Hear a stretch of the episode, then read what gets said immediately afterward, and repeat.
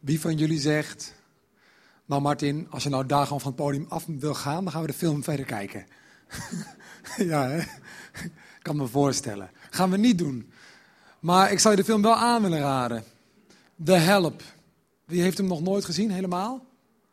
Zo, veruit de meeste mensen. Ik heb hem twee keer gezien. Eén keer een tijdje geleden, gewoon thuis voor de nou, avondje vrij. En gisteravond nog een keer voor deze dienst. En nu voor de tweede keer het fragment. En het blijft boeien. Aanrader. Maar dat hoef ik je niet meer te vertellen, dat heb je zelf al gezien. Naar de videotheek, naar iTunes of op je video on demand thuis. Huren, kijken, de help.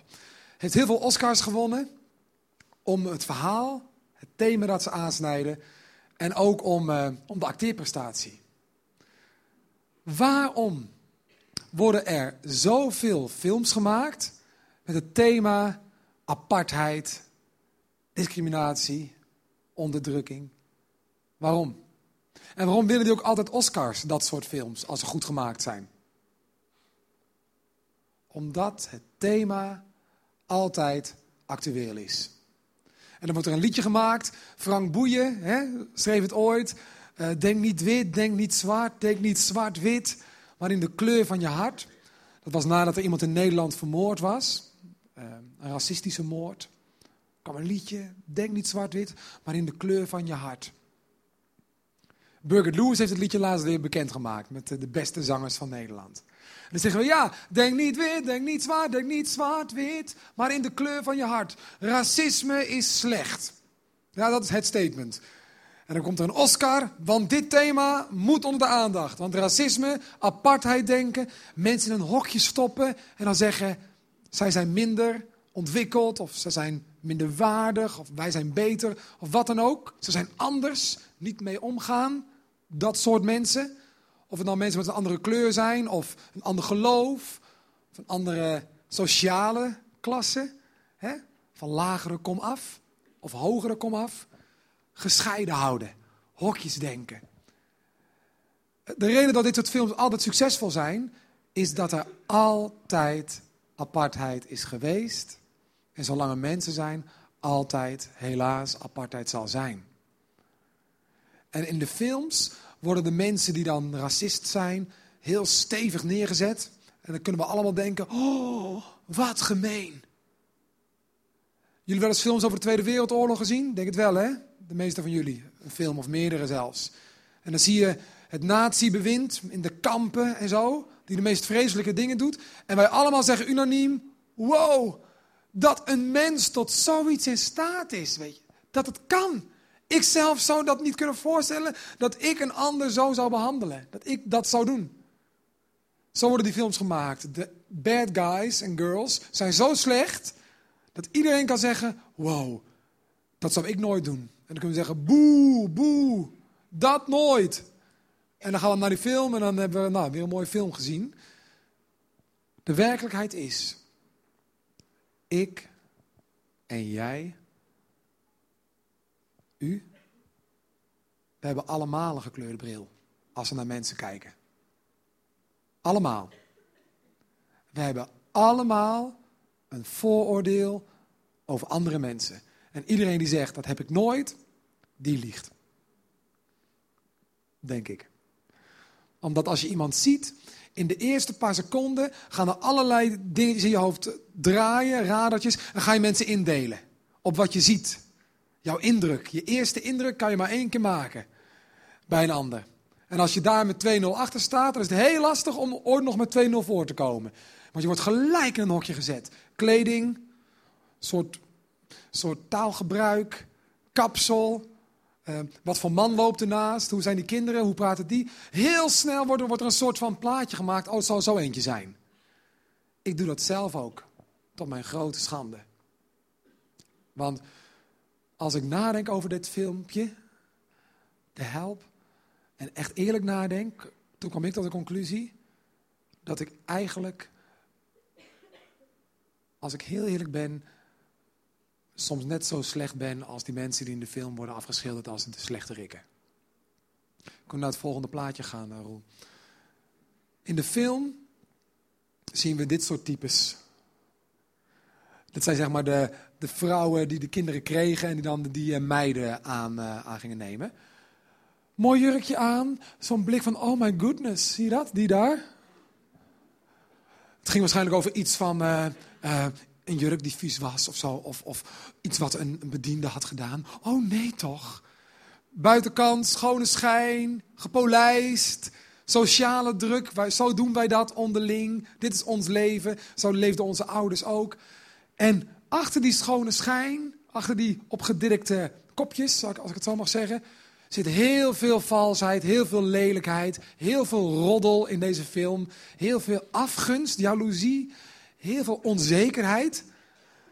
Als ze me toch eens zouden ontdekken zoals ik echt ben, zit er heel veel achter. Heel veel. Het is allemaal buitenkant. De anderen beoordelen op de buitenkant en ook zelf je buitenkant zo neerzetten dat je hopelijk niet door anderen ver of beoordeeld wordt. Maar ik zei eigenlijk over mijn eigen leven gaan nadenken. Van de week kreeg ik van mijn oma wat, uh, wat oude documenten en foto's van mijn kindertijd terug. Had ze voor me bewaard. En ik was op de middelbare school hoofdredacteur van de schoolkrant. Perplex heet het schoolkrant. En uh, ik las wat artikeltjes terug die ik schreef als 13, 14-jarige in dat blad. Zo, wat zaten daar aan vooroordelen in? Wat een arrogantie sprak uit sommige zinnetjes. Gewoon heel subtiel, een beetje neerkijkend op sommige mensen. Sommige gedachten die anderen konden hebben. Muzieksmaak. Uh, ik had het over die tokkies bijvoorbeeld. Dat soort, dat soort uh, zinnen, weet je. En nog steeds, als ik naar mensen kijk, gaan mijn radertjes en ga ik mensen indelen. Oh ja, zo eentje. Nou, dat wordt geen vriend, dat wordt wel een vriend, eventueel. Die nodig ik wel bij mezelf uit, die niet. Uh, daar loop ik even omheen. Met die wil ik wel een praatje maken. Vooral op de eerste indruk, vooral op wat ik zie. Maar ook als ik bijvoorbeeld nu een school uit wil zoeken voor Noah, onze zoon van 2,5, doe ik hetzelfde. We moeten een school uitzoeken, dus we hebben een lijstje van scholen die in aanmerking komen. En dan loop ik met Noah in zijn wagentje richting Peuterspeelzaal en kom ik richting langs een basisschool lopen. Ik zie daar ouders op het schoolplein staan. Ik check even heel snel. Ik, nou, deze school niet. Waarom niet? Nou, een bepaald sfeertje. Bepaalde kleding, bepaalde kapsels, bepaald taalgebruik wat ik zo even opvang. Bepaalde kinderen en zo. Ik denk, oh ja, wacht even, dit is zo'n uh, zo'n uh, zo'n soort school. Kijk naar, het, naar, het, naar, de, naar de soort school, zeg maar, op de muur, de titel. Oh ja, vandaar, nee, precies. En ik loop door. Vooroordeel, vooroordeel. Ik doe dat constant. En ik ben niet de enige, denk ik. Jullie doen dat ook, toch? Of niet? Dat je iemand ziet en dat je denkt, oh zo één. Ook al eens een grapje gemaakt over iemand in de familie, het zwarte schaap, weet je wel? Oh ja, nee, ja, goed, had ik al een beetje verwacht. Een beetje roddelen. Mensen op, op hun uiterlijk indelen. Op een sociale positie indelen. Soms zelfs als je de naam van iemand hoort, heb je al een beeld. Dat je denkt, oh ja, dat is een typische Tiffany. Of, of Carlijn, een typische Carlijn. Ja? Heb je een naam en heb je al een heel beeld, een heel oordeel van hoe iemand dan zou zijn. We doen het allemaal. En het is heel erg. In de film zegt een, van die nannies, dat is de nanny van de schrijfster, Miss Skeeter. Die heeft ook een nanny, een help gehad toen zij opgroeide. En die zei tegen haar een keer, toen ze zat te huilen, omdat ze niet mee mocht naar het schoolfeest, dat niemand wilde met haar, want ze was te lelijk, volgens de jongens. Toen zei die nanny tegen haar, joh, je hebt een keuze. Ga je geloven wat anderen over je zeggen, het beeld dat neergezet wordt, of ga je het niet geloven? En toen zei ze, echte lelijkheid, wat mensen mooi of lelijk maakt, komt van binnenuit. Wat in je hart leeft, maakt je lelijk. Of maakt je mooi. Wat in je hart leeft, komt eruit. En dat zijn mooie vruchten, mooie gevolgen of lelijke dingen. En zo is het. Als um, Frank Boeien zingt, denk niet wit, denk niet zwart, denk niet zwart-wit, maar in de kleur van je hart. Ja, alsof we iets anders zouden kunnen. Volgens mij kunnen we niet anders dan denken in de kleur van ons hart. Hoe wij denken, hoe wij voelen, hoe wij uh, de wereld zien, ja, Dat komt van binnenuit. Die ogen die komen pas later. Je kijkt via je hart door je ogen naar buiten. Dus ja, als je hier vooroordelen hebt en jezelf misschien een beetje beter vindt dan een ander, of het nodig hebt om jezelf neer te zetten ten koste van een ander, als jij namelijk denkt, deze school is niks voor mijn zoontje, als ik dat bijvoorbeeld denk, want deze kinderen, ja, ik heb liever niet dat mijn zoontje daar te veel mee speelt, of bij die ouders thuis komt, wat zegt dat over mij dan? Ben ik dan beter? Is mijn zoon te goed voor die kinderen? Armand schreef ooit een liedje. Ben ik te min? Ben ik te min omdat je ouders meer poen hebben dan de mijne? Ja. ja. Zijn ze te min? Eigenlijk zeg ik dat. Eigenlijk zeg ik dat. Dus ik zet mezelf neer, ik profileer mezelf door te bepalen dat niet, dat is een beetje dom, dat zijn ook tokkies. En daarmee zeg ik, ik ben slimmer. Eigenlijk. Of ik wil slimmer zijn. Dat. Wie voor een dubbeltje geboren is, toen we nog dubbeltjes hadden, wordt nooit een kwartje.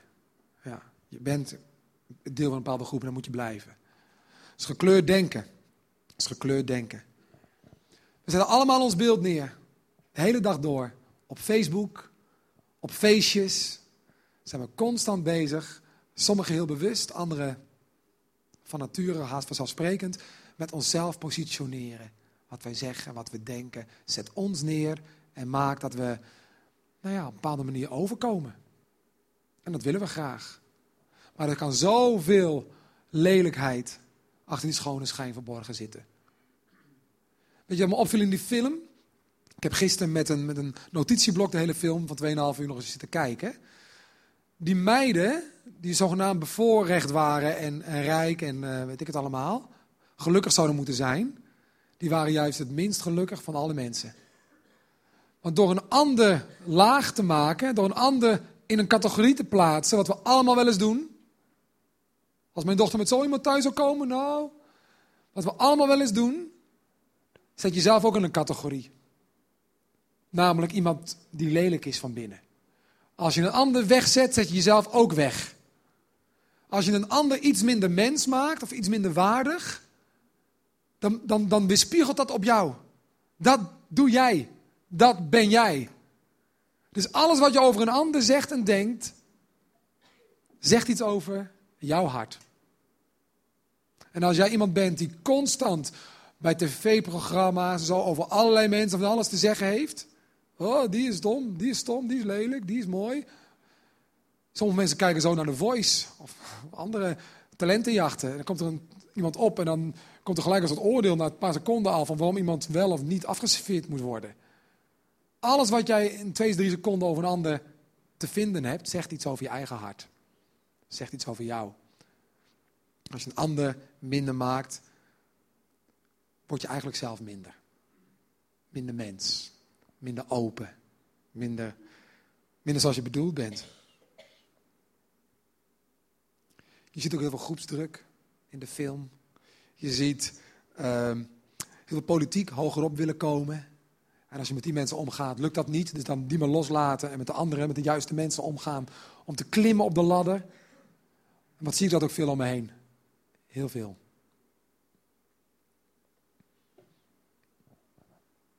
Het is een monster. Dat denken, dat stinkt.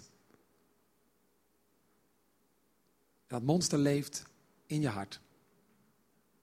En er is maar één manier. Eén manier, geloof ik dan, hè?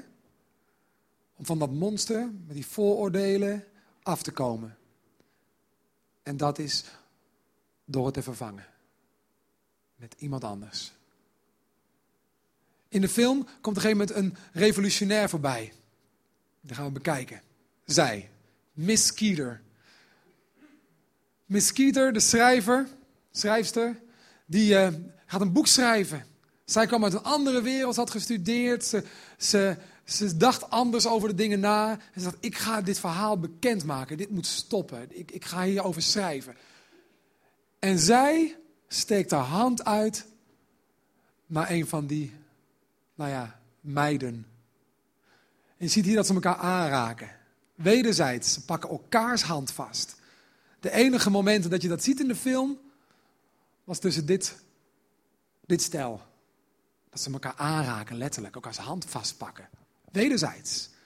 Want het vroeg van haar ook een stuk moed om die hand te pakken. Er staat ook vooroordelen inmiddels over blanken. Het was twee kanten opgegaan.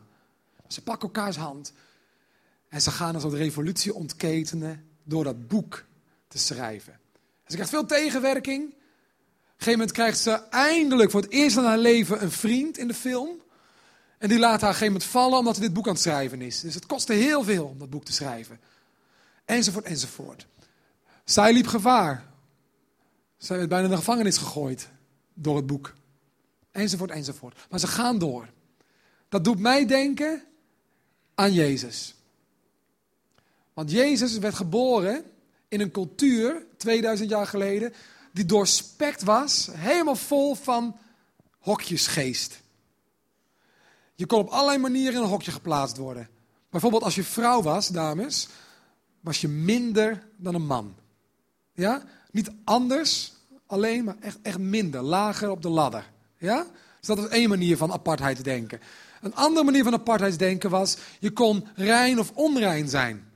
Dus als je verkeerde dingen had gedaan, weet je wel, ja, was vreemd gegaan of was iets misgegaan in je leven, dan viel je van je ladder af en was je onrein, mocht je niet meer naar de tempel komen en zo. En, en mocht je niet meer bij de anderen zijn die wel rein waren, tussen aanhalingstekens. Tweede manier om goed of afgekeurd te worden. En een derde manier om goed of slecht te, gekeurd te worden was welk ras je had. Welke afkomst eigenlijk.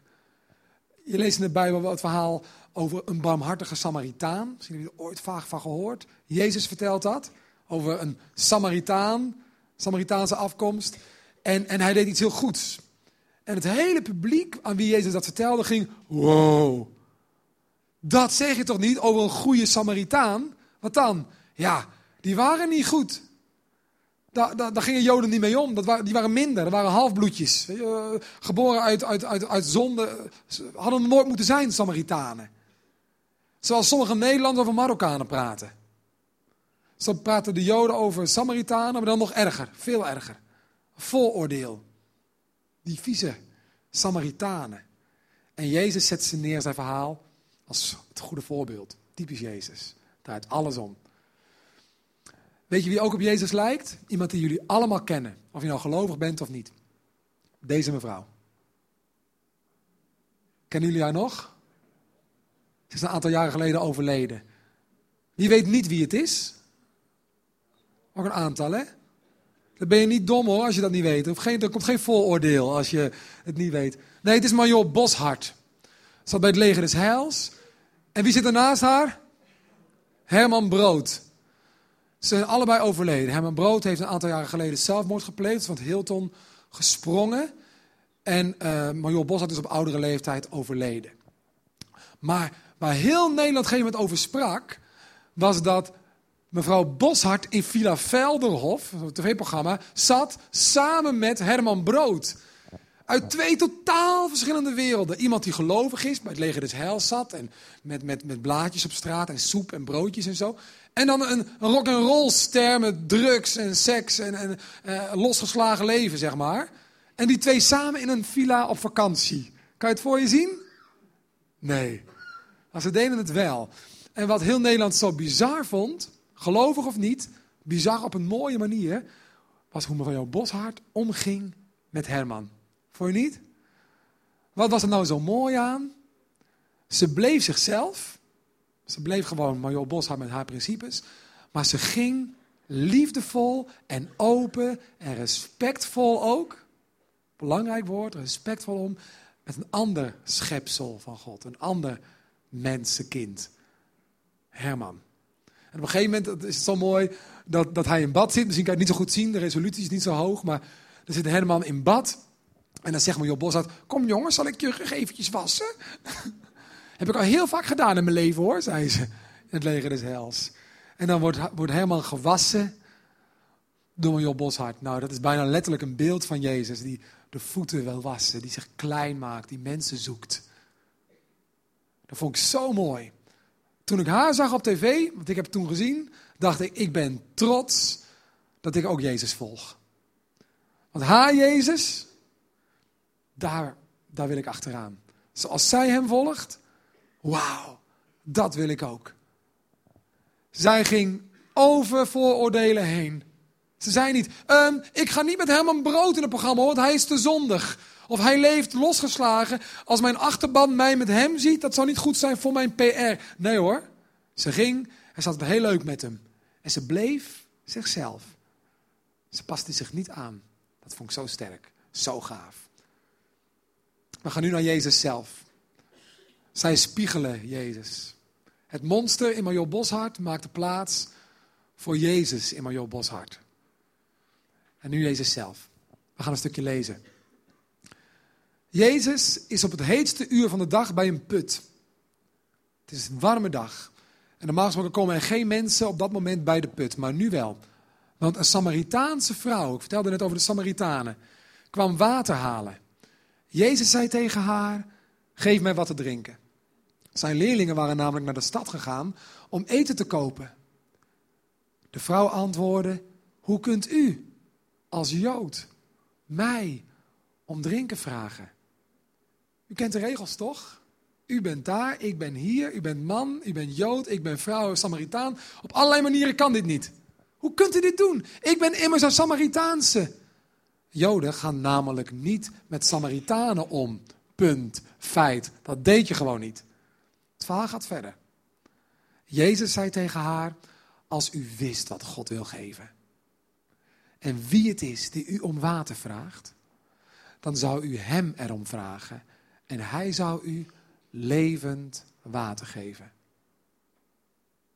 Iets geven wat je leven verandert van binnenuit. We gaan lezen verder. Toen zei Jezus tegen haar: Ga je man eens roepen en kom dan weer terug. Ik heb geen man, zei de vrouw. U hebt gelijk als u zegt dat u geen man heeft, zei Jezus. U heeft vijf mannen gehad. En degene die u nu heeft, is uw man niet. Wat u zegt is waar. En lees het einde van het verhaal. De vrouw zei: Ik weet wel dat de Messias zal komen. Wanneer hij komt, zal hij ons alles vertellen. Jezus zei tegen haar: Dat ben ik, degene die met u spreekt. Belangrijke woorden, ik heb ze niet voor niks vet gemaakt. Degene die met u spreekt. Heel veel praten die met deze vrouw. Waarom moest ze op het heetste moment van de dag, als er geen andere vrouwen waren, water halen? Nou, omdat er over haar gepraat werd. Ze was uitgestoten. Ze hoorde er niet meer bij. Dat was die vieze vrouw waar je man voor moest waarschuwen. Ja? En vrouwen, onderling, als er een vrouw is die, die elke keer een andere kerel pakt, kunnen het toch redelijk hard zijn, of niet op een gegeven moment? Van, of niet? Mannen? Daarom kwam ze niet. Om die confrontatie met anderen te ontlopen. Daarom ging ze in de eentje, als het gloeiend heet was, water halen. Weet ik tenminste zeker dat ik niemand tegenkom. En daar was Jezus. Man, Jood, zoon van God alle manieren apart. Anders. En hij doorzag haar. Hij wist alles van haar. En dan zegt hij: Ik ben het.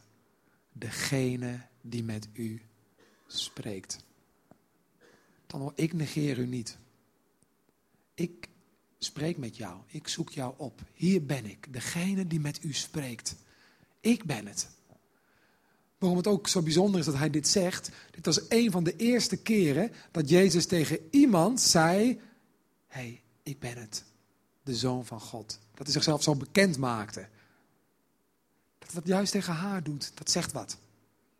Dat zegt echt iets. Dat is Jezus.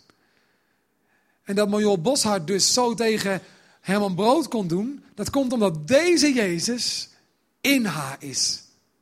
Daarom kon ze dat doen omdat Jezus wil spreken met, met, met Herman. Want Jezus wil houden van Herman. Omdat Jezus weet dat Herman net zoveel waard is als Major Boshart in Gods ogen. In onze ogen niet. Tenminste, misschien vinden we Herman zelfs wel, wel stoerder of leuker dan Major Boshart, sommigen van jullie. Misschien zijn sommigen van jullie liever Herman dan Major Boshart. Maar in Gods ogen zijn ze allebei even waardevol. En dat wist Major Boshart omdat Jezus in haar woont. Dat is gaaf. Dan is het beest van vooroordelen weg. En dan kan je zingen, net als uh, Frank Boeien, uh, uh, kijk in de kleur van je hart, denk in de kleur van je hart. Dat kan je pas doen als je weet dat die kleur betrouwbaar is, een goede kleur heeft. Jezus kwam om hart te veranderen. Anders leren denken. Ik ben anders gaan denken. Ik schaam me nu voor de dingen die ik vroeger heb gezegd. Ik schaam me voor de dingen die ik heb gedacht. En soms nog steeds denk en doe. Ik ben onderweg. Er is zo'n oud opwekkingslied, vind ik een van de mooiste liedjes. Sommigen kennen het, maar sommigen misschien ook niet. Uh, het zegt iets van: uh, Heer, uw licht en uw liefde schijnen. Waar u bent, zal de nacht verdwijnen. Jezus, licht van de wereld, vernieuw ons. Levend woord, ja, uw waarheid bevrijdt ons. Schijn in mij, schijn door mij. En als ik dan mensen tegenkom, dan weet ik, hé, hey, God heeft je lief. Net zoveel als mij, als hij mij lief heeft. God schat je op waarde. Jij bent net zo waardevol als ik. Ik heb het niet meer nodig om mezelf neer te zetten. Iets te betekenen. Want in Gods ogen zijn we allemaal gelijk.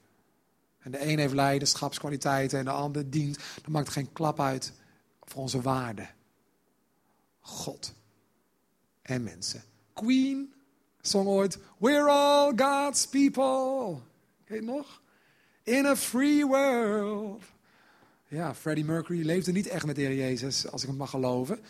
Maar hij wist wel, we're all God's people. Nou, daar slaat hij wel de spijker op zijn kop. God heeft ons alle lief. Allemaal. We gaan nog naar het einde van mijn verhaal vandaag. Oh, kunnen we naar de sheet, Roel? De vrouw, die Samaritaanse vrouw, liet haar kruik staan bij de put. Ze ging terug naar de stad. hey, ze gaat de mensen onder ogen komen. Dat is bijzonder. En ze zei tegen de mensen daar: Wow, ze durft de confrontatie aan. Ze zoekt de mensen op.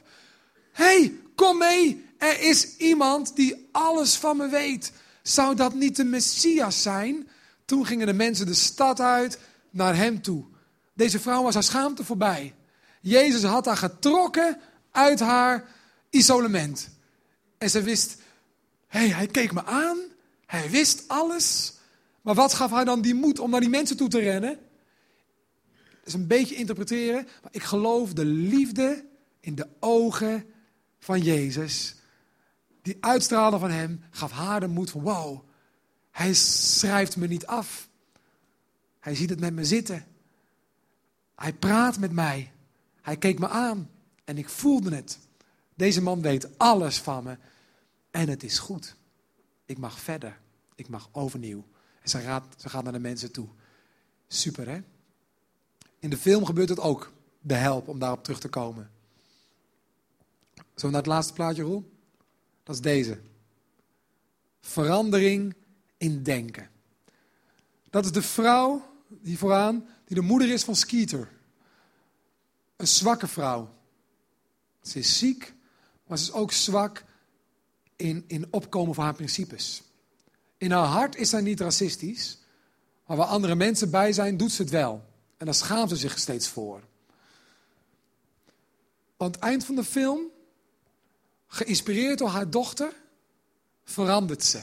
En in deze scène, je moet echt de film gaan kijken, stuurt zij zo'n tutje. Dat is ook weer een vooroordeel, hè? Hoor je net hoe makkelijk het gaat? Stuurt zij haar, die gewoon vreselijk misleid is, arm schaap, oh, ook, ook weer een vooroordeel. Stuurt ze haar weg. Van weg met je vooroordelen hier. Die wil ik hier niet horen. Ze wordt moedig. En dan zegt ze tegen haar dochter, waar net het fragment mee eindigde, soms slaat moed een generatie over. Dank je wel dat je het weer terugbracht in de familie. Ze was geïnspireerd. Ze wilde anders gaan denken en anders gaan handelen. En dat is precies wat Jezus ook in jouw leven en mijn leven wil doen. Hij is revolutionair. En wij mogen van Hem leren om moedig te zijn. En andere mensen niet langer in hokjes te plaatsen. Ik wil afsluiten met gebed. En wil ik als volgt doen. Ik wil in het begin stil blijven. Om jou de kans te geven om na mijn woorden, waterval, eventjes te laten bezinken wat ik gezegd heb. En misschien is vooral na te denken, hé, hey, Martin had vooroordelen. Martin zet mensen in categorietjes op het eerste gezicht. Maar doe ik dat ook? En zo ja, wil ik dat blijven doen? Als jij mensen wegzet, maakt het jou lelijk. Moet je niet willen, denk ik. Denk er gewoon over na. En daarna sluit ik af. Zullen we gewoon eventjes reflecteren? Even nadenken? Hemelse Vader, als we stil worden voor U, dan wil ik U vragen om tot ons te spreken. Door Uw Heilige Geest. En ons in gedachten te brengen. Die dingen waar wij andere mensen ja, hebben weggezet, vooroordelen hebben. Onszelf beter vinden. Wilt u ons daarbij bepalen, ons daarvan overtuigen, zodat we ons daarvan kunnen afkeren vandaag.